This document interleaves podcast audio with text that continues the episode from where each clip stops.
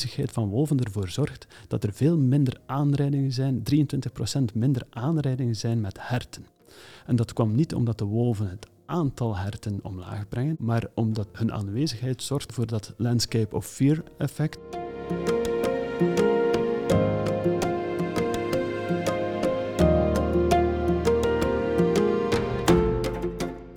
Hey, leuk dat je luistert naar Toekomst voor Natuur, aflevering 24. De podcast met spraakmakende verhalen over natuur en natuurbescherming in de lage landen. Met dit keer samenleven met grote zoogdieren. Hoe doe je dat? Ik ben Antoni Stip en in deze aflevering spreek ik hierover met Diemer Verkayi, werkzaam bij Natuurplunt in Vlaanderen als zoogdierexpert. En Diemer is ook oprichter van het Wolf Fencing Team Belgium, samen met Pepijn het Hoofd.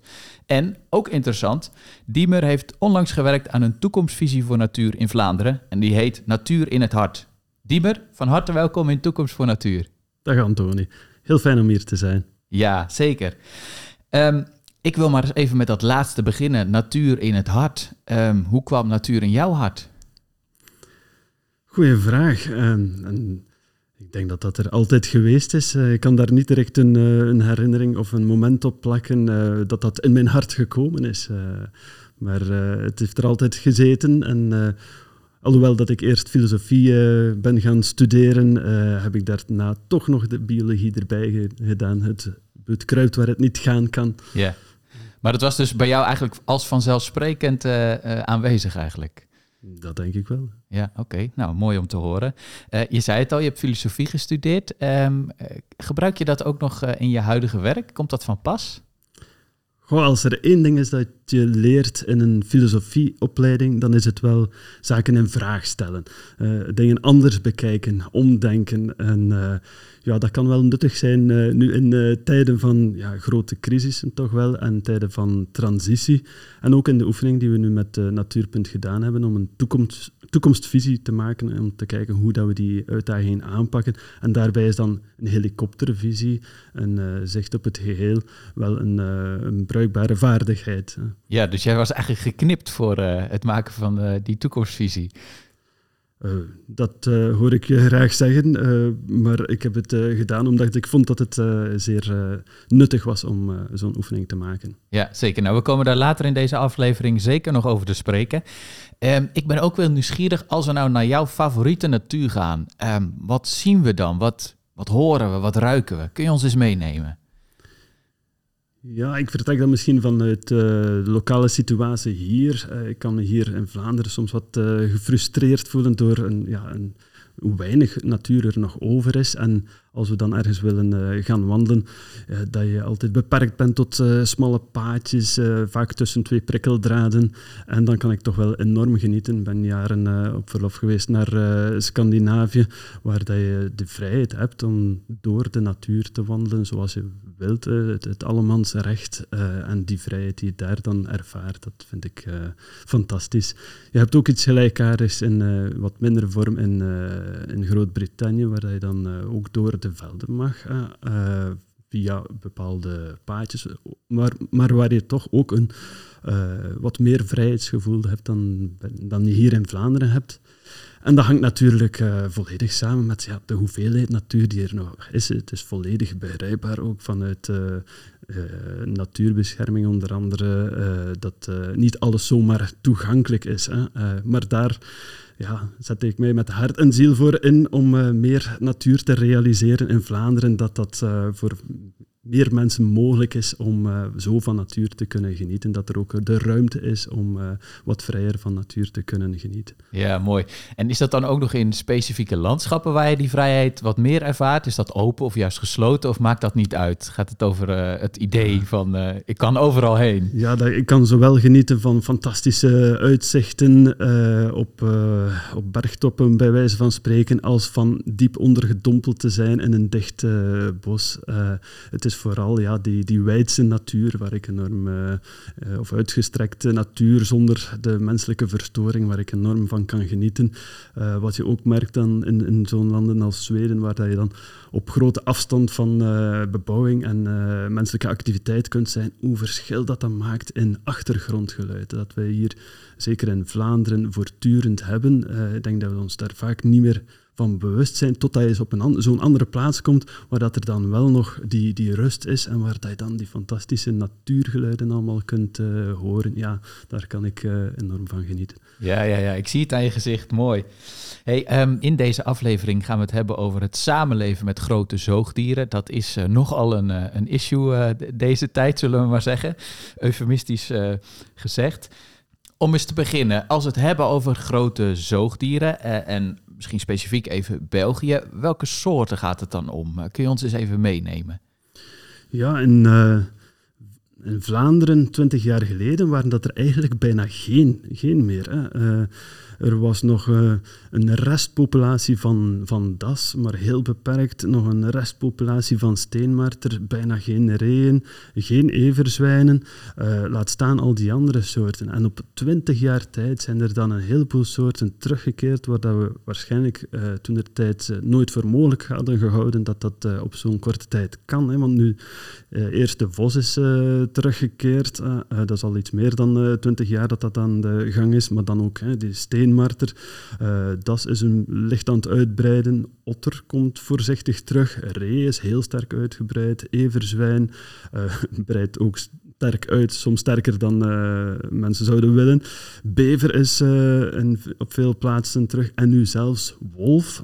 ja. wie had dat ooit gedacht? Dus, ja, en in Wallonië is er zelfs sprake van linksen die daar terug in de bossen zouden zijn. dus er om twintig jaar tijd is er heel veel veranderd. Ja, en is er een aanwijsbare oorzaak voor, voor die verandering?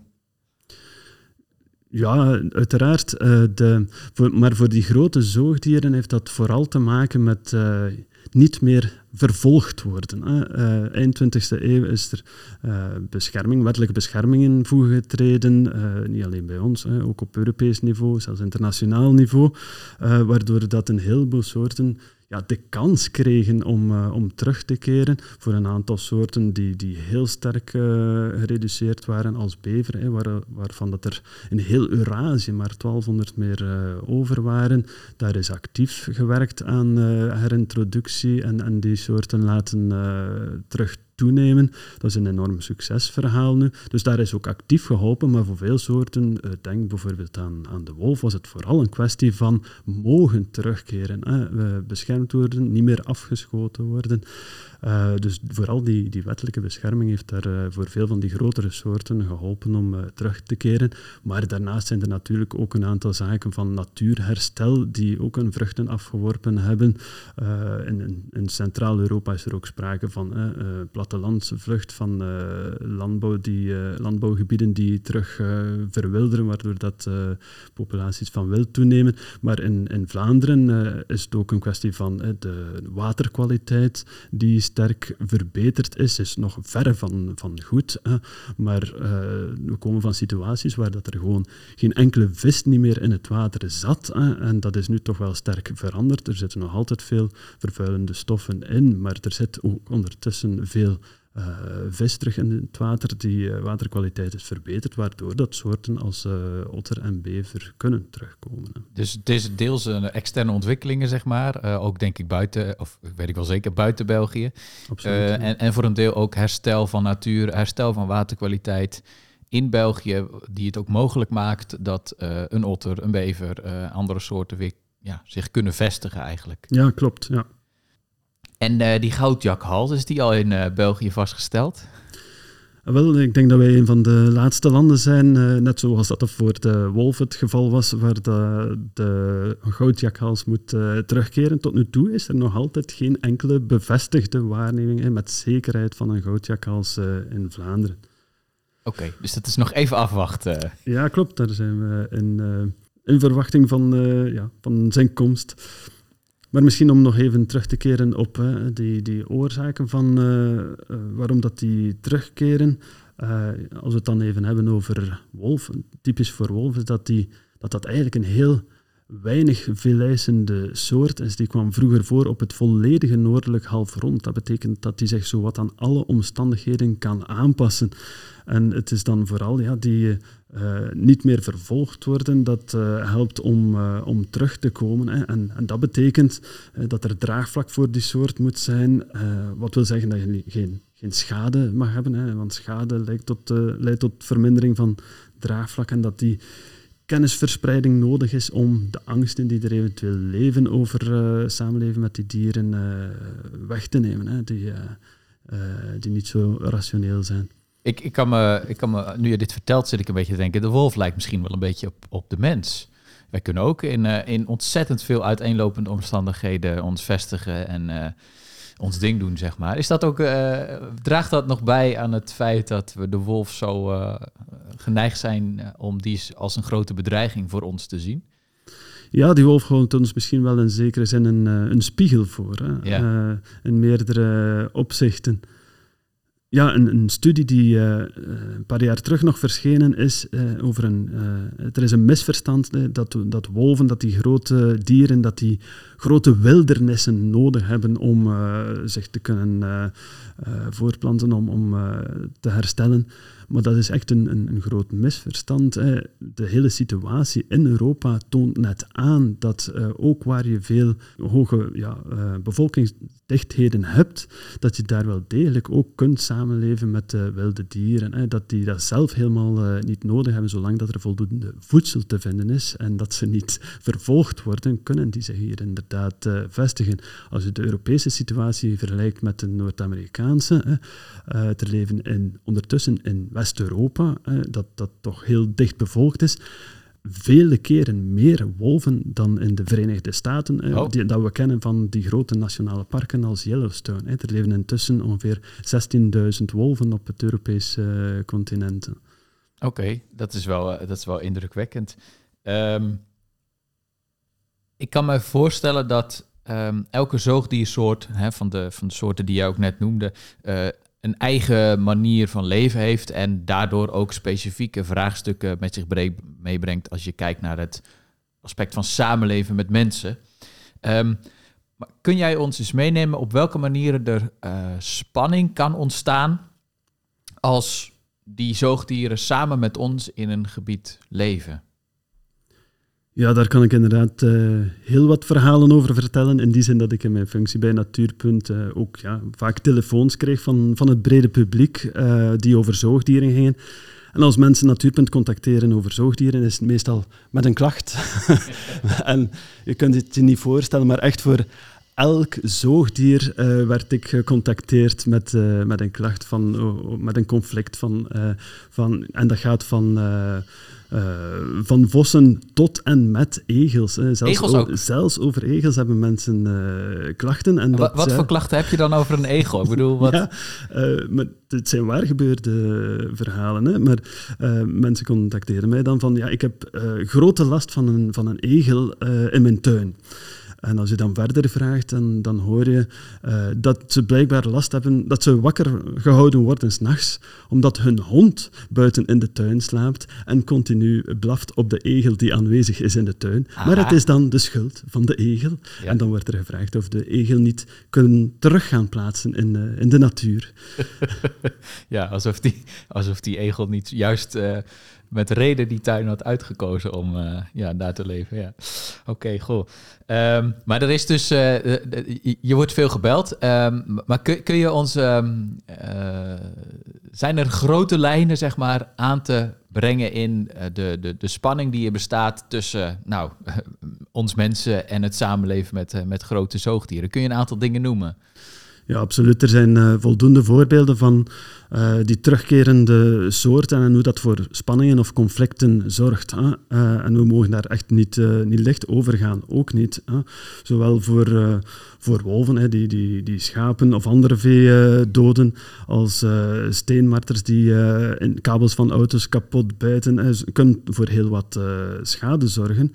Maar voor zowat al die problemen die we hebben, die conflicten die we tegenkomen met uh, zoogdieren, zijn er ook effectieve oplossingen die, die kunnen voorkomen dat we schade hebben en die dus uh, kunnen uh, waardoor dat we kunnen samenleven met die soorten zonder of met een heel klein minimum aan schade, dat dat uh, perfect mogelijk is.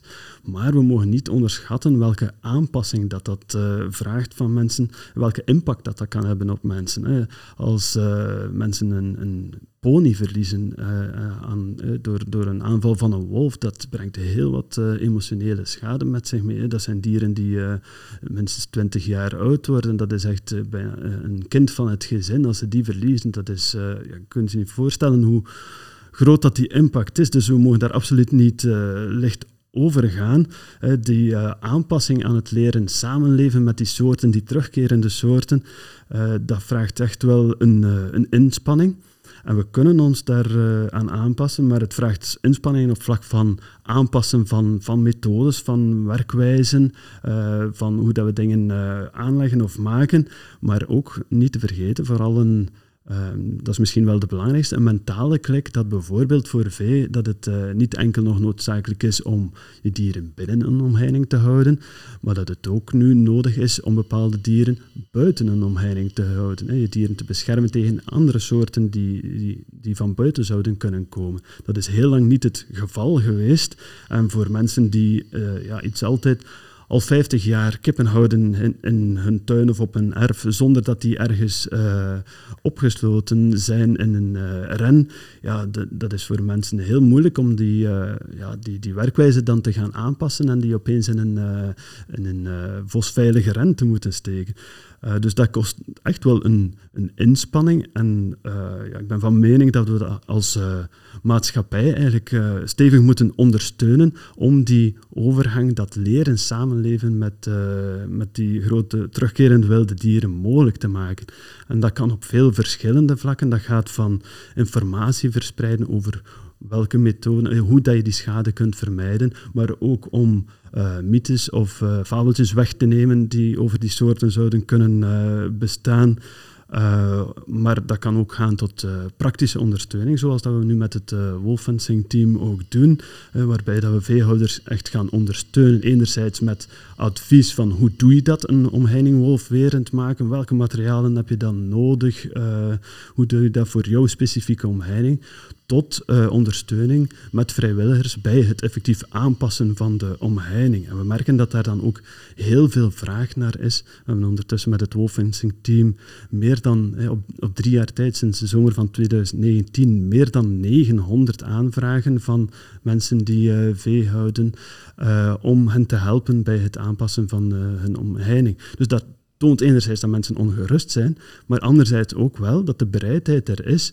om die aanpassingen te doen. En dat horen we vaak van mensen waar dat we dan bij langs gaan van, ja, ik ben misschien nog altijd niet voor die wolf, maar als het hiermee lukt om ervoor te zorgen dat ik daar geen last van heb, dat ik daar geen schade van ondervind, oké dan, dan. Dan is het voor mij oké dat, die, dat die er is. En, maar dat vraagt echt wel een, uh, een ondersteuning om, om die overgang mogelijk te maken.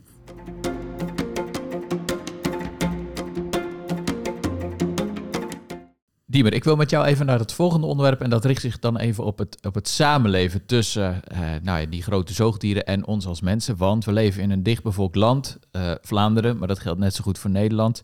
Veel mensen op een klein oppervlak. Wat zijn, wat jou betreft, de mogelijkheden voor ons om met die grote zoogdieren samen te leven? Ja, het feit dat uh, het uh, over een dichtbevolkte regio gaat, hoeft op zich geen probleem te zijn. Als die soort hier terugkomt, dan toont die op zich eigenlijk aan van ik kan hier leven.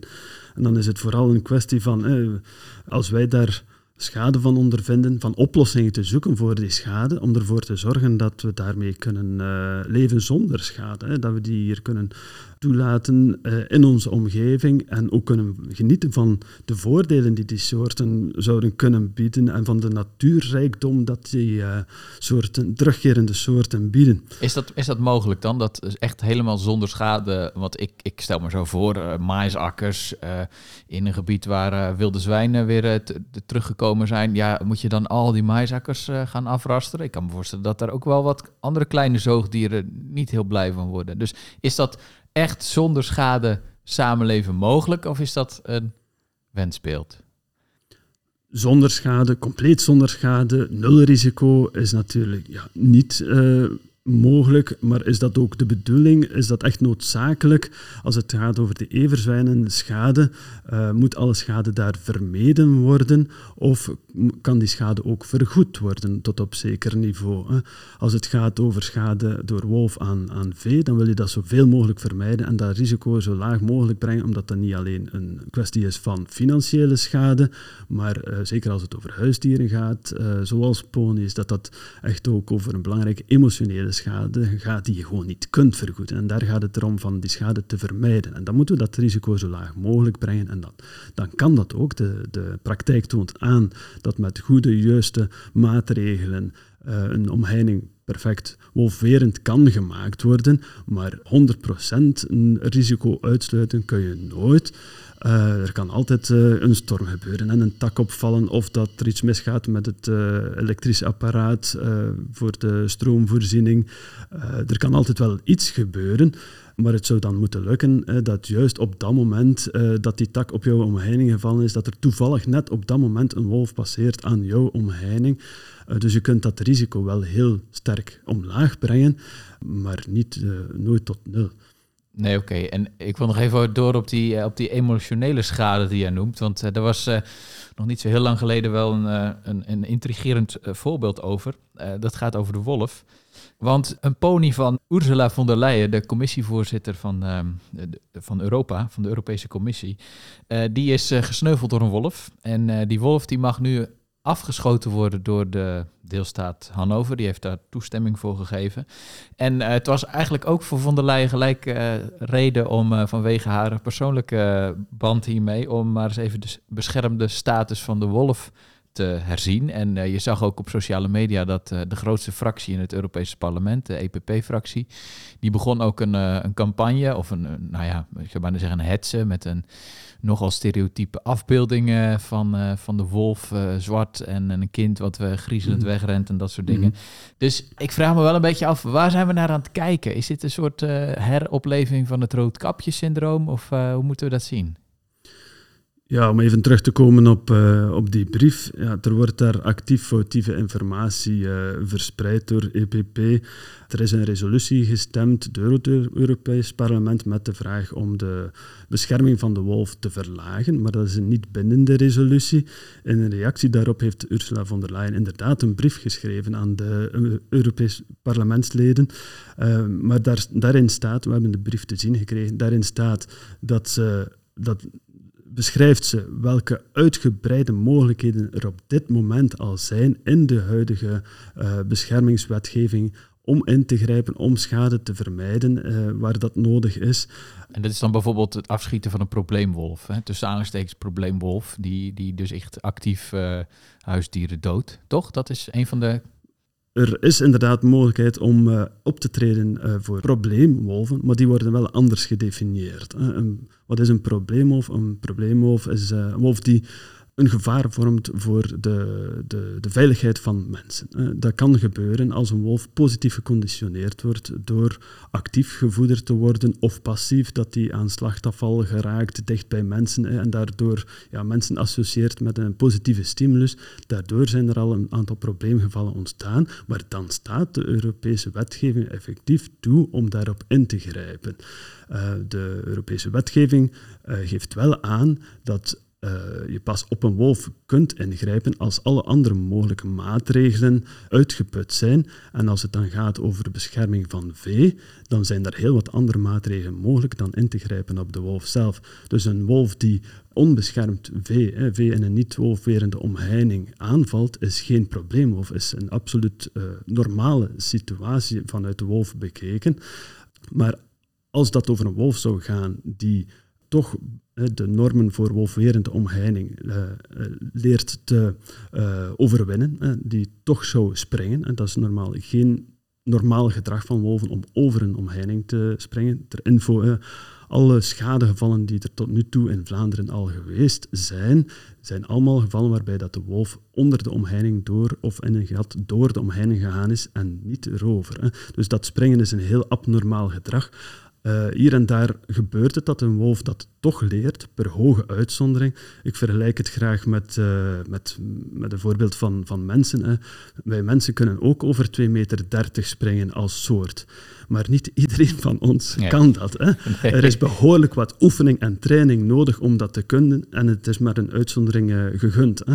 Uh, zo gaat dat ook bij wolven. Voor wolven is het geen normaal gedrag om, om te springen. Dat toont de praktijk bij ons ook gewoon aan. Maar heel af en toe gebeurt het dus. En dan staat die Europese wetgeving inderdaad toe om op die wolf in te grijpen. Maar hier in dit geval met Ursula von der Leyen en de EPP wordt er heel wat uh, actieve informatie verspreid. En dat is deel van een campagne die al langere tijd gaande is vanuit de EPP om daar uh, polarisatie uh, op te voeren. Wat we heel erg betreuren. Hoe moeten we daarmee omgaan? Wel, ik denk dat we de manier waarop dat we daar hier in de Vlaamse situatie mee omgaan, is dat we de wetgeving uh, volgen die er momenteel is en dat we heel hard inzetten op dat mogelijk maken van dat samenleven zonder, um, uh, zonder schade. We zijn daar nog lang niet, uh, maar we hebben wel heel wat goede maatregelen op zijn plaats hier in Vlaanderen. Er is ondersteuning op, uh, op financieel vlak vanuit de overheid voor uh, de materiaalkosten die mensen hebben om een heining aan te passen. En vanuit het Wolfensing team geven we ook ondersteuning naar uh, veehouders toe met die andere drempels die ze dan kunnen tegenkomen om, om heining aan te passen, zijn de, de, de, de, expertise, de kennis die je nodig hebt van hoe moet ik dat hier in godsnaam voor mijn omheining aanpakken. Soms bestaan omheiningen uit veel verschillende verschillende types omheining en hoe, hoe, pak ik dat juist aan, welke materialen heb ik nodig. Daar is heel veel vraag naar, naar uitleg, naar expertise en uh, daar zorgen we met het woolfencing team voor en ook bij de hulp uh, op terrein om de effectieve werken uit te voeren. En zo merken we dat er, ja, dat als dat beleid volgehouden wordt, we zijn nu uh, drie jaar verder, dat er steeds meer aanvragen zijn van veehouders om uh, bij, bij het wolfencing-team om hun omheining wolfwerend te maken. Eerder in deze podcast zei uh, Jaap Dirkmaat, natuurbeschermer in Nederland, eigenlijk met leedwezen naar de discussie over de wolf te kijken. Hij was, zei hij zelf ook, helemaal niet zo in jubelstemming als andere natuurbeschermers ook wel zijn. Hij ziet vooral allerlei problemen opdoemen de komende jaren uh, in dat samenleven met de wolf. Um, hoe kijk jij naar zo'n stem uit de natuursector? Ja, als, um, en, dan gaat het over de vraag: is er, uh, is er jacht nodig um, of niet?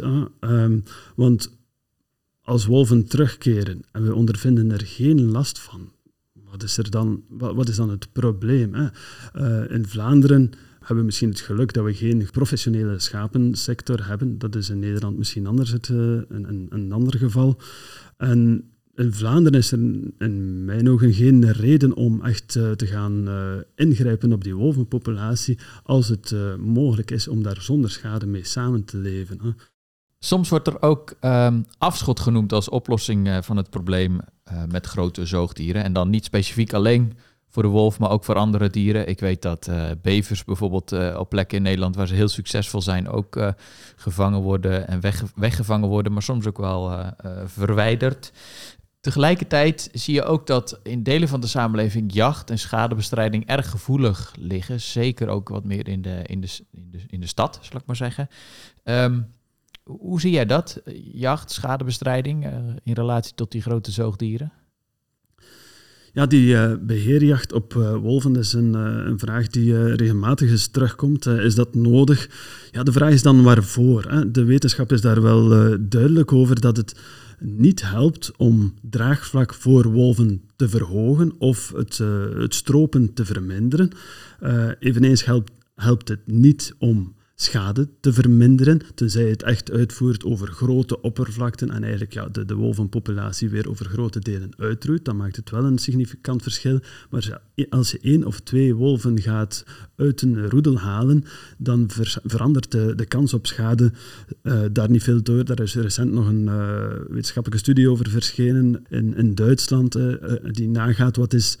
wat bepaalt nu eigenlijk de kans op schade. En dan blijkt het vooral te gaan niet over de uh, aantallen wolven binnen één roedel, maar uiteraard de aan- of afwezigheid van een roedel. En vervolgens ja, de, de kans dat ze onbeschermd vee tegenkomen. Dus hoe meer vee, onbeschermd vee in de, omgeving, in, de omgeving, hoe meer kans op schade dat er is. Maar dus het aantal wolven binnen één roedel, uh, als je daarop op ja, zou optreden met, met jacht om er een aantal uit te halen, dat zal niet veel verschil maken in de hoeveelheid schade. En je hoort ook wel dat uh, jacht op wolven nodig is, omdat wolven op zich geen uh, natuurlijke vijand hebben. En dat klopt, hè. zij staan aan de top van de voedselpiramide. Uh, en het idee is dan van, hè, dat de mens dan moet zorgen dat het aantal wolven uh, in toom gehouden wordt. Maar dat gaat eigenlijk voorbij aan, uh, aan de wetenschappelijke kennis daarover. In die zin dat wolven een heel andere ecologie hebben dan bijvoorbeeld everzwijnen. Hè. Als everzwijnen voldoende voedsel hebben, dan kunnen die aantallen heel sterk toenemen. Maar bij wolven zit dat totaal anders, omdat dat territoriale roofdieren zijn. Hè, wat betekent dat ze een bepaalde grootte van oppervlakte nodig hebben om voldoende voedsel te vinden. En die oppervlakte, dat territorium, zullen ze dan ook verdedigen tegen soortgenoten. Waardoor dat je uh, ook niet uh, blijft groeien. Je hebt eigenlijk een vrij vast aantal wolven in een omgeving. Uh, als wolven welpen twee jaar oud zijn, dan vertrekken ze uit de roedel en gaan ze op zoek naar een eigen uh, leefgebied om zelf een roedel te stichten. En veel van de jongen komen trouwens al om in het eerste levensjaar, onder andere op onze wegen.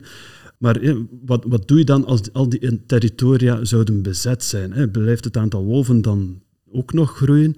Uh, uit de praktijk, uit de wetenschap blijkt van niet. Hè. Dan treden er een aantal terugkoppelmechanismen in werking, waardoor ze die populaties zich minder snel voortplanten. Hè. Omdat uh, wolven dan veel meer tijd moeten steken in het verdedigen van hun territorium, is dat allemaal tijd die ze uh, niet kunnen steken in, in jagen, hè, in, voedsel verzamelen, waardoor dat de vrouwtjes minder doorvoed zullen zijn en waardoor ze ook niet elk jaar zwanger zullen geraken. En als ze dan zwanger geraken, dan zullen er ook uh, minder jongen geboren worden. Van die jongen die geboren worden, die, hebben minder, die krijgen minder melk, omdat de moeder minder doorvoed is. Uh, zullen er ook minder jongen overleven. Dus dat, dat zijn een aantal ja, automatische terugkoppelmechanismen die er dan voor zorgen dat de populatiegroei uh, sterk afneemt. dus het is niet zo dat de wolvenpopulaties oneindig blijven groeien. En beheerjacht op wolven is dus in principe ook niet nodig nodig uh, om, om de aantallen wolven te beperken. En het heeft ook geen, uh, geen relatie met, uh, met het schadeverhaal. Dus in, in mijn ogen is dat, in, in lijn met de wetenschap, is het niet nodig om wolven op een of andere manier te bejagen. En als nu als blijkt, als we kunnen volhouden om, die, om de schade omlaag te brengen en zoveel mogelijk omheiningen wolveren te maken, dan kunnen we hopelijk aantonen dat het wel degelijk mogelijk is om met die soorten, zelfs in onze dichtbevolkte regio, samen te leven zonder schade.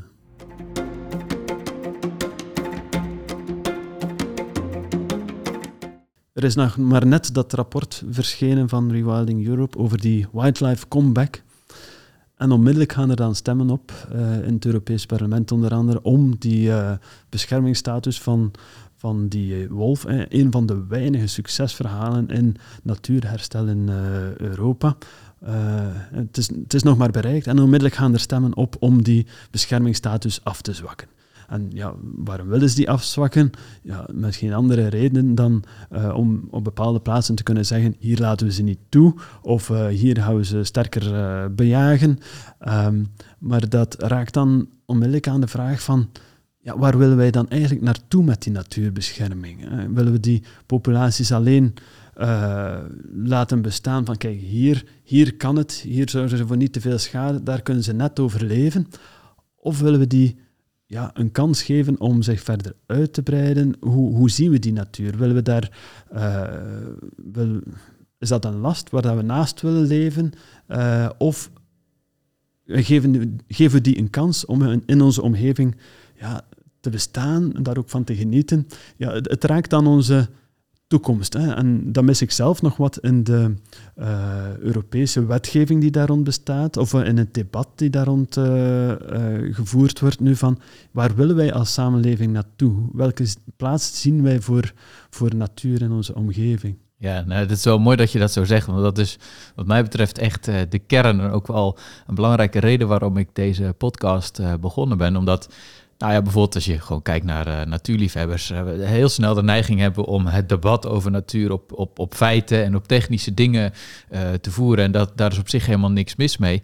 Ehm, maar ik denk dat het debat over natuur is eigenlijk een, uh, is een waardediscussie. Het is een discussie over hoe wij onszelf zien als mens. Is een discussie over hoe wij uh, naar natuur kijken en uh, welke ruimte wij eigenlijk over willen laten in onze samenleving voor natuur. Hoe we met natuur willen samenleven. En dus ik vind het wel heel mooi dat je dat zegt, want dat raakt aan de kern van waarom ik deze podcast ben begonnen. Ah, heel fijn. Ja, le leuk dat je dat zo noemt. Dank je wel. Diemer, onlangs belde een journalist mij en die stelde mij de vraag van wat is het nut van natuur? Um, als jij die vraag zou moeten beantwoorden voor zoogdieren, wat zou je dan zeggen?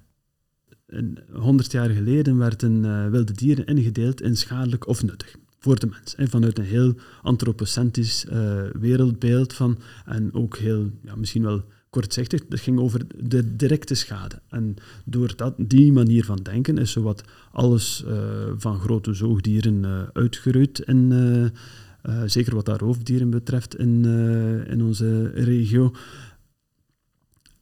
En zelfs met overheidssteun, met subsidies vanuit de overheid om otters uit te roeien, om wolven uit te roeien. Daar zijn uitgebreide verslagen van gemaakt van hoe dat die uitroeiing hier te werk gegaan is. En gelukkig zijn er dan in de tweede helft van de 20e eeuw, zijn we, ja, misschien doordat we steeds meer natuur begonnen te verliezen, zijn we dan wel op een andere manier beginnen denken over natuur en die natuur zelf ook meer naar waarde gaan schatten voor de, de, de waarde aan zich, hè, vanuit een meer ecocentrisch wereldbeeld, hè, dat die soorten naast ons ook bestaansrecht hebben. Maar ook de, de wetenschappelijke kennis is toegenomen over de meer indirecte relaties, de complexere relaties die uh, soorten kunnen hebben. Uh, denk aan, zo kunnen wolven ook voordelen hebben, en daar hoor je niet vaak over. Het gaat altijd over dat schadeverhaal, maar wolven kunnen ook voordelen hebben als, uh, voor, voor ons als mens, als we er leren mee samenleven. zo zijn er ondertussen studies verschenen en die aantonen dat dat wolven ervoor zorgen dat ziektes in wilde dierenpopulaties, bijvoorbeeld bij everzwijn, heel sterk beperkt worden. Uh, ziektes zoals uh, uh, tuberculose of Afrikaanse varkenspest, waardoor dat die populaties van everzwijnen veel gezonder blijven. En dat heeft dan ook als gevolg dat de kans veel kleiner is uh, ten eerste op een uitbraak van zo'n ziekte, maar ten tweede ook op een overslag van die ziektes naar de veehouderijsector. En als daar zo'n uh, uh, uitbraak plaatsvindt, dan spreken we over heel andere grote orde van, van schadekosten. Hè. Dus de wolf heeft daar ook zijn voordelen in ja, het beperken van risico's voor de veehouderijsector. Een ander voorbeeld is een, een, recente studie uit Wisconsin in de Verenigde Staten, waar dat bleek dat de aanwezigheid van wolven ervoor zorgt dat er veel minder aanrijdingen zijn, 23% minder aanrijdingen zijn met herten. En dat kwam niet omdat de wolven het aantal herten omlaag brengen, een effect dat jagers ook zouden kunnen teweeg brengen, maar omdat ze hun aanwezigheid zorgt hè, voor dat landscape of fear effect, waardoor dat die herten zich niet meer graag ophouden in open gebieden nabij wegen, waardoor dat er veel minder aanrijdingen waren. En dat effect eh, op vermindering van, van blikschade uh, zorgde ervoor dat er 63 keer meer voordeel is aan het hebben van wolven in de omgeving eh, aan het uh, financieel voordeel is door het verminderen van blikschade dan de uh, directe schade die ze aanbrengen aan vee. Een voorbeeld dat misschien niet direct toepasbaar is op de situatie hier, um, maar het toont aan dat als we ja, de soorten de kans geven om naast ons te bestaan, dat we dan ook de tijd kunnen krijgen om te onderzoeken wat die complexere situaties, uh, die complexere uh, relaties zijn uh, tussen, tussen dieren onderling en welke voordelen dat dat voor ons kan, kan hebben ook. Ja. Ik wil nog even één ander aspect met jou belichten en dat is dat er zoogdieren zijn die uh, als exoot te boek staan. Dus die horen hier eigenlijk niet van nature thuis. Zijn hier wel gekomen, uh, meestal door toedoen van de mens. En die zoogdieren hebben toch ook populaties in de lage landen, zoals een wasbeer, wasbeerhond. Geldt dat samenleven en dat, dat pogen tot samenleven ook voor die soorten wat jou betreft? Of moeten we, moeten we daar dan wel ingrijpen? Dat is geen gemakkelijke kwestie, absoluut niet. Uh, in die zin dat zoogdieren hebben altijd een zekere aaibaarheidsfactor. Hè? En dan ingrijpen op die soorten, dat ligt zeer gevoelig bij het uh, brede publiek. Um, toch is daar ook belangrijk om uh, ja, na te gaan welke invloed heeft dat en waar willen we samen als, als samenleving naartoe. Er zijn die voorbeelden van uh, de exotische eekhoorns die uh, in gevangenschap gehouden werden en ontsnapten. En in Groot-Brittannië heeft het ontsnappen en het ontstaan van een populatie van Noord-Amerikaanse grijze eekhoorns ervoor gezorgd dat de inheemse rode eekhoorn eigenlijk volledig verdwenen is uit Groot-Brittannië. Niet zozeer door concurrentie of omdat uh, die grijze eekhoorns de rode zouden aanvallen of iets dergelijks, maar door uh, meer complexe mechanismen. de grijze eekhoorn was drager van een bepaalde ziekte waar dat de grijze eekhoorn wel tegen bestand was, maar de inheemse rode eekhoorn niet. Hè. Dus waar dat die grijze verscheen, verdween de rode. En dat is iets dat je misschien niet meteen kunt voorzien, maar wat dat dus snel wel zo, ja, net het gevaar aantoont van exotische soorten in te voeren. Uh, dat kan zorgen voor een uh, teruggang van, van je inheemse biodiversiteit en voor eigenlijk een afvlakking van je biodiversiteit als daar meerdere soorten door uh, beïnvloed worden. Dus we moeten eigenlijk altijd bijzonder voorzichtig zijn met het invoeren van exotische soorten. momenteel is er in Europa een blacklist van, van, van soorten die niet meer mogen verhandeld worden, verkocht worden, gehouden worden. Uh, en eigenlijk actief moeten bestreden worden, ook omdat ze een gevaar vormen voor de inheemse biodiversiteit. Um, maar dat is een, een, lijst die altijd ja, achteraf werkt, in de zin van eh, het, is, een, een, een, positieve lijst, in de, in de zin van de soorten die daarop staan mogen niet meer verhandeld worden. Uh, maar dat betekent dat er nog altijd uh, een hoop soorten kunnen ingevoerd worden waarvan dat je de risico's niet kunt inschatten. Beter zou zijn om eigenlijk omgekeerd te werk te gaan met een soorten pas in te voeren als je 100% zeker bent dat ze geen schade kunnen aanrichten. Wat bijvoorbeeld in, uh, in Australië het geval is. Hè. Daar zijn ze daar veel strenger op. Maar om terug te keren naar uh, de zoogdieren hier bij ons, als een wasbeer in, in Wallonië, is de wasbeerpopulatie ondertussen zodanig groot dat het ja, nog bijzonder moeilijk is om die volledig terug weg te krijgen. En is, dan vraagt de Europese wetgeving ook om die vooral in te dijken, in de zin van niet verder te laten uitbreiden. En, maar dat is sowieso ja, geen gemakkelijke situatie. Hoe ga je daarmee om? Ja. Dus toch wel beheer dan, weet je. Want indijken, dat is natuurlijk een, uh, een, een, een, uh, een, mooie term voor afschot of nou ja, weet ik wat er gebeurt. Maar in ieder geval ingrijpen. In Vlaanderen is het inderdaad zo dat, uh, dat er hier nog geen populaties uh, zijn, hè, uh, wasberen in het wild.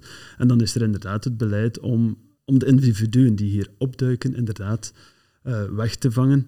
En ik moet zeggen dat ik nu niet van buiten weet of dat die soorten gevangen en geplaatst worden of dat die geëuthanaseerd worden. Oké, maar goed, het is wel een, een aandachtspunt, die exoten en, en dat samenleven daarmee. En dat uh, is toch een, een beetje een ander verhaal, proef ik wel uit jouw woorden, dan uh, bij nou ja, soorten die hier gewoon thuis horen en ook op eigen kracht hier komen.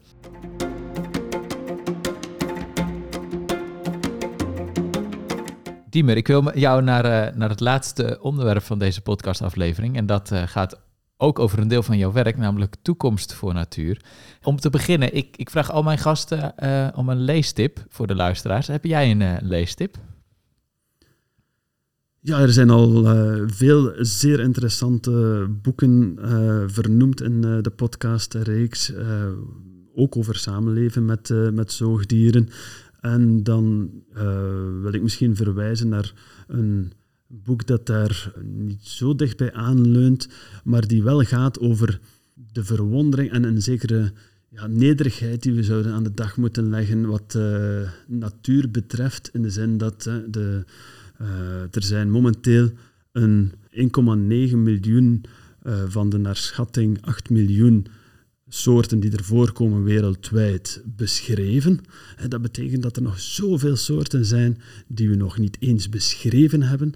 Laat staan dat we weten wat dat hun ecologie is, hoe dat die zich gedragen en uh, laat staan dat we weten hoe dat die zich uh, verhouden tot andere soorten. Dus er is nog zoveel onbekend in de biologie en dat noopt ons wel tot uh, ja, een zekere voorzichtigheid en om, om het, het, voorzorgsprincipe ook wat te hanteren en zoveel mogelijk van die natuur te proberen behouden, omdat we ook de kans zouden krijgen om te onderzoeken welke voordelen dat, dat ons eigenlijk als maatschappij ook zou kunnen bieden van zo'n uh, rijke biodiversiteit te, te hebben.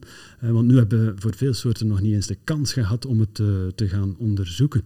En een boek dat dat mooi beschrijft is het boek van Edward Wilson, ondertussen overleden, maar uh, briljant onderzoeker, vooral gespecialiseerd in mieren. Maar die heeft met zijn boek Half Earth zeer goed beschreven voor, voor, welke opdracht dat we staan als mensheid met die biodiversiteitscrisis nu. Als we het grootste deel van onze biodiversiteit willen behouden, als we naar schatting 80% van onze biodiversiteit willen behouden, moeten we eigenlijk de helft van onze oppervlakte, zowel op land als op zee, gaan voorbehouden voor, uh, voor natuur. Half Earth van uh, Edward Wilson. We zullen hem uh, deze titel ook in de beschrijving van de podcastaflevering zetten. Toch nog even ook over die toekomstvisie voor natuur in Vlaanderen. Je hebt eraan meegewerkt. natuur in het hart. Wil je ons eens meenemen? Hoe krijgt Vlaanderen natuur weer in het hart? Hoe, hoe, hoe werken we aan die toekomst? Ja, als we iets gemerkt hebben de afgelopen, afgelopen uh, jaren of decennia in uh, natuurbescherming, we hebben ons altijd zeer sterk gefocust op het beschermen van natuurgebieden. En ja, in, in, in, mijn ervaring is dat misschien wel een van de grootste communicatiefouten die we ooit gemaakt hebben in eh, de natuurbescherming, van altijd over natuurgebieden te spreken. Uiteraard was het belangrijk om die uh, parels uh, van, van natuur die er nog resten te beschermen, maar daardoor hebben mensen het idee gekregen van natuur, dat zit in de natuurgebieden. En daarbuiten is alles vogelvrij. Hè. Kan ik doen wat ik wil. En waardoor dat we in de situatie beland zijn in, Vlaanderen toch al sinds dat we met zo'n um, ja, kleine oppervlakte natuur zitten, hè, waar dan nog echt pareltjes te vinden zijn, hè, maar slechts uh, ongeveer 8% van onze oppervlakte is nog uh, hoogwaardige natuur, waardoor dat die uh, enorm versnipperd is, waardoor dat de kleine eilandjes natuur zijn. En ja, als je dergelijke kleine eilandjes nog over hebt, dan treden daar ook mechanismen in werking waardoor dat uh, soorten veel sneller aan gaan uitsterven, omdat ze met uh, de kleine populaties zitten en niet meer met elkaar in verbinding zijn. En dat betekent ook dat als we die natuur willen behouden, hè, dan is het uitbouwen van een natuurnetwerk, een robuust natuurnetwerk van grote gebieden, is dat uiterst belangrijk. Maar zelfs als we 30% eh, van onze oppervlakte voor natuur zouden reserveren, dan nog gaan we de biodiversiteit daarin niet kunnen behouden als we niet een aantal andere grote bedreigingen voor onze natuur uh, wegnemen. En zoals het, uh, het laatste natuurrapport van ons Instituut voor Natuur- en Bosonderzoek ook uh, schetst, daar staat heel expliciet in van de belangrijkste bedreigingen voor natuur zitten eigenlijk buiten de natuurgebieden. dat zijn de vermesting, de verdroging, die, die zware drukken die, die van buitenaf komen, het verdwijnen van habitat, onze slechte ruimtelijke ordening. In onze toekomstvisie hebben we dan gekeken van ja, als we die natuur nu willen herstellen, als we nu willen geraken naar een terug florerende natuur, waar dat we die enorme biodiversiteit die we hier eigenlijk hadden in Vlaanderen, want wij hebben hier op een kleine oppervlakte eigenlijk een behoorlijk grote potentiële biodiversiteit, of hadden dat oorspronkelijk. Hè.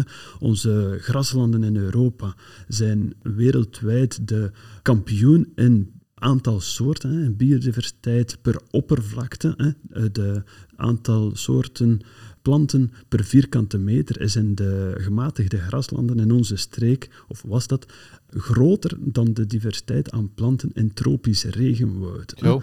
Dus de, en nu, ja, onze graslanden nu, daar staat vaak, als die in uh, landbouwgebruik zijn, daar staat vaak maar uh, één of twee soorten meer in uh, op een vierkante meter. Maar de biodiversiteit die we oorspronkelijk hadden, daar mogen we best wel trots op zijn. En hopelijk kunnen we daar ook weer terug naar evolueren. En in onze toekomstvisie hebben we dan geprobeerd van welke zaken moeten we gaan aanpakken? Wat zijn de veranderingen die nodig zijn om terug te komen tot zo'n florerende natuur? Wat dan uiteraard ook heel wat voordelen biedt voor de maatschappij. Neem nu naar uh, aanpak van uh, klimaatadaptatie, het uh, milderen van de effecten van de lange droogtes of de overstromingen. Daar kan natuur heel wat oplossingen bieden. ook naar gezondheid toe blijkt dat natuur bijzonder veel positieve effecten kan hebben, zowel mentaal als fysiek, van veel natuur in de buurt te hebben. Wat is er dan nodig om tot zo'n samenleving, zo'n uh, landschap te komen. En dan zijn we gekomen tot uh, vijf grote uitdagingen, vijf grote uh, transformaties, transities waar dat we door moeten. we moeten naar zo'n groot netwerk van natuur, meer oppervlakte voor natuur reserveren, met een groot robuust samenhangend netwerk. Maar daarnaast moeten we ook uh, naar een andere aanpak, een andere omgang met, met water. Uh, water veel meer ophouden, uh, veel minder draineren. de, onze rechtgetrokken waterlopen en drainage, waardoor dat wij nu als eigenlijk nat land op de twintigste plaats staan op de wereldranglijst uh, van uh, risico voor drinkwatertekort. Dat moeten we gaan aanpakken. Dat met, de, met de klimaatverandering die er zit aan te komen, is dat niet meer houdbaar. Hè. Dus we hebben meer ruimte voor water nodig. en die hydrologie is ook een basis van, van natuurherstel, noodzakelijk voor natuurherstel. en als derde moeten we natuurlijk ja, naar een andere, duurzamere landbouw, want dat is nu een van de grootste, belangrijkste drukken voor achteruitgang van de natuur. Zelfs als we 30% van onze oppervlakte voor natuur zouden reserveren, dan uh, zal die daar nog sterk achteruit gaan als die stikstofdepositie niet uh, teruggedrongen wordt. En een van de belangrijkste uitdagingen voor, uh, voor Vlaanderen is onze verschrikkelijke ruimtelijke ordening. Hè. We hebben de grootste uh, ruimtelijke voetafdruk, het grootste ruimtebeslag van, uh, van, van gans Europa, met 33% van onze oppervlakte dat we gebruiken voor infrastructuur, bewoning, wonen, werken, die ja, niet meer bruikbaar is voor uh, voor natuur of landbouw. Wij gaan daar heel kwestig mee om in Vlaanderen. En dat brengt ook heel veel maatschappelijke kosten met zich mee. Hè. Maar dat is ook heel nefast voor, uh, voor natuurherstel. Daardoor zitten we ook met die gigantische versnippering. 90% van de natuurclusters in Vlaanderen zijn kleiner dan 1 hectare. Dus we moeten die ruimtelijke ordening echt wel gaan aanpakken. En meer naar wonen in woonkernen, naar kernverdichting. zou heel wat voordelen bieden voor natuur, maar ook voor uh, maatschappij en maatschappelijke kosten van infrastructuur bijvoorbeeld, maar ook naar uh, klimaat. Veel minder kilometers die moeten gedaan worden voor postbedeling, voor pendelverkeer en dergelijke. En als laatste, uh, belangrijke transitie, moeten we echt gaan naar een, een circulaire maatschappij, waar we eigenlijk qua uh, milieudrukken, dat we gaan naar een principe dat we niks meer lozen in onze omgeving, waarvan dat we niet absoluut zeker zijn dat het geen kwaad kan. En dan gaat het zowel over gezonde lucht als uh, gezond water, als gezonde bodem. En daar hebben we ook nog uh, heel wat werk voor de boeg. Maar in die toekomstbeelden hebben wij proberen tonen, als we al die uitdagingen aanpakken, hoe zou ons landschap er dan kunnen uitzien en welke voor, voor, voordelen biedt dat allemaal? En we hopen daarmee enthousiasmerend te kunnen werken naar de toekomst en te tonen van, kijk, er zijn grote uitdagingen, maar als we ze aanpakken, nu kordaat aanpakken, hè, want de wetenschap zegt dat we eigenlijk nog maar tien jaar hebben om die zaken aan te pakken. Als we die nu kordaat aanpakken, welke mooie toekomst is er dan eigenlijk mogelijk? Ja, ja je, hebt, uh, je verwijst net naar uh, mooie landschapsbeelden die jullie ook gemaakt hebben voor vijf verschillende landschappen in, uh, in Vlaanderen. Er ligt er hier eentje voor me op, het, uh, op de tafel, uh, op de plek waar wij dit gesprek voeren. En dat is wel mooi gevisualiseerd van het beeld zoals dat nu is. En in hetzelfde landschap het beeld voor over 30 jaar, hoe het ook kan zijn als je al die opgaven een, een plek geeft. Mij bekruipt wel het gevoel, dit zijn uh, denk ik uh, transities waar, nou, waar ook wel mensen van zullen erkennen van ja, dat is inderdaad de opgave. Uh, de, grote vraag is natuurlijk altijd van oké, als ik nou morgen aan de slag ga of vandaag, wat, waar moet ik dan beginnen? Want sommige vraagstukken, hè, jij noemde net die ruimtelijke ordening, nou ja, huizen verplaatsen naar veel minder woonkernen, dat is iets gigantisch. Dat ga je niet, tenzij je in een dictatuur leeft, maar dat leven we gelukkig niet, ga je dat niet van de een op de andere dag doen. Dus wat zijn nou de stappen die, die je zelf kunt nemen om hier toch ook al vorm aan te geven? We zijn nu op dit moment volop bezig met een strategisch plan. Van, we hebben nu die doelstelling gemaakt van, kijk, hier zouden we idealiter naartoe willen gaan. wat trouwens geen blauwdruk is, maar een eerste poging om zo'n toekomstvisie vorm te geven. En vooral als start van, uh, van dialoog. Hè. Maar als we dat zouden willen realiseren, hoe geraken we daar dan? Hè? Wat is onze strategie? Daar zijn we volop uh, rond aan het werken om dat uh, uit te zoeken. Maar het is inderdaad wel zo dat inderdaad ook iedereen in alledaagse keuzes daarmee vorm aan kan geven. Eh, denk bijvoorbeeld aan een uh, bedrijf dat uh, een nieuwe locatie zoekt voor een, voor een nieuwe vestiging. Dan zou je dat kunnen doen in een afgelegen bedrijventerrein of ergens midden in open landschap een nieuwe, ja, voor een nieuwe verzekering, voor een nieuwe betonering zorgen, een nieuw gebouw, wat ook weer grote afstanden naar, naar pendelverkeer voor werknemers met zich meebrengt. Of je kunt ervoor kiezen om je bedrijf te vestigen op een locatie die, die goed bereikbaar is, zowel voor werknemers als voor, uh, voor logistiek. Dus je kunt daar eigenlijk een uh, veel ja, dagelijkse keuzes uh, een groot verschil maken voor natuur, waar je misschien niet op het eerste zicht zou denken, maar de, veel van de belangrijkste uitdagingen voor natuurherstel zitten ook in die andere sectoren, niet in, in aankoop van natuurgebieden of natuurbeheer op, op zich, maar net in die andere zaken van onze ruimtelijke ordening en aanpak van water en dergelijke meer. Oké, dus uh, elke dag kun je keuzes maken die uh, tot, tot verbetering van biodiversiteit leiden eigenlijk. Dat is wat jij zegt en dat kan heel klein en ook heel groot. Ja. Ja, zeker. Maar uiteraard hebben we ook uh, krachtig beleid nodig om dat de juiste richting uit te sturen. Hè. En daar zijn we nu bezig om daar uh, de, te zoeken naar de maatregelen die we kunnen voorstellen naar de volgende verkiezingen toe in 2024, hè, die uiterst belangrijk zullen zijn, omdat ze bepalen wat dat er de rest van dit decennium uitgevoerd uh, zal worden op beleidsniveau.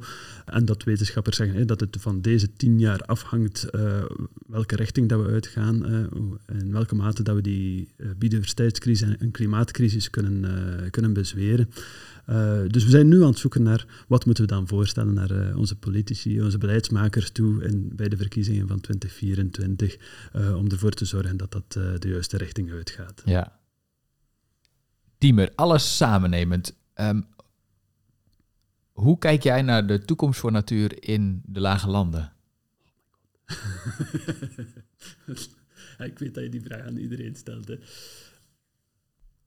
Ja, ik denk dat je als natuurbeschermers uh, of natuurbeschermer niet anders kunt dan uh, ja, daar positief tegenaan te kijken, of misschien wel met uh, een onrealistisch optimisme, want anders zit je niet meer, niet meer in dit vak.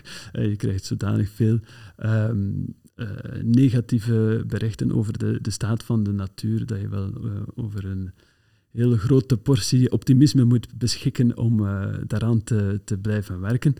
Uh, maar toch, ja, daar uh, wil ik mij voor mezelf, voor anderen, voor mijn kinderen blijven voor inzetten om ja, een, een, mooiere toekomst met meer natuur mogelijk te maken, omdat ik er ook rotsvast in geloof dat dat niet alleen voor de natuur op zich, maar ook voor, voor ons een heel mooier, veel mooiere uh, toekomst zou zijn dan de huidige situatie in Vlaanderen.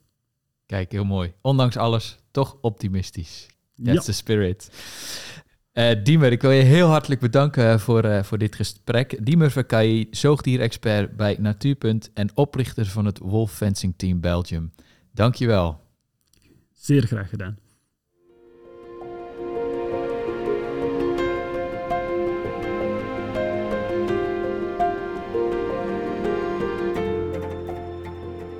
Zo, dit was aflevering 24 van Toekomst voor Natuur. Wil je reageren op deze aflevering? Stuur ons dan een berichtje op de sociale media, toekomstnatuur op Twitter en toekomstvoornatuur op Instagram. En je kunt uiteraard ook een mailtje sturen naar toekomstvoornatuur.vlinderstichting.nl. Reageer gerust. En ja, de volgende aflevering, aflevering 25 van deze podcast. Uh, dat is een hele leuke, want we gaan een korte serie beginnen over grondleggers van de ecologie. We gaan de historie induiken en aflevering 25 staat in het teken van Linnaeus, oftewel Carl von Linné. Tijdje geleden, maar een heel belangrijke man in de historie voor ja, hoe wij nu naar natuur kijken. En ik ga over Linnaeus en zijn werk en vooral ook de betekenis voor nu ga ik spreken met Norbert Peters. En Norbert is botanisch filosoof, dus dat belooft een heel interessant en boeiend gesprek te worden. Ik zou zeggen, tot de volgende aflevering.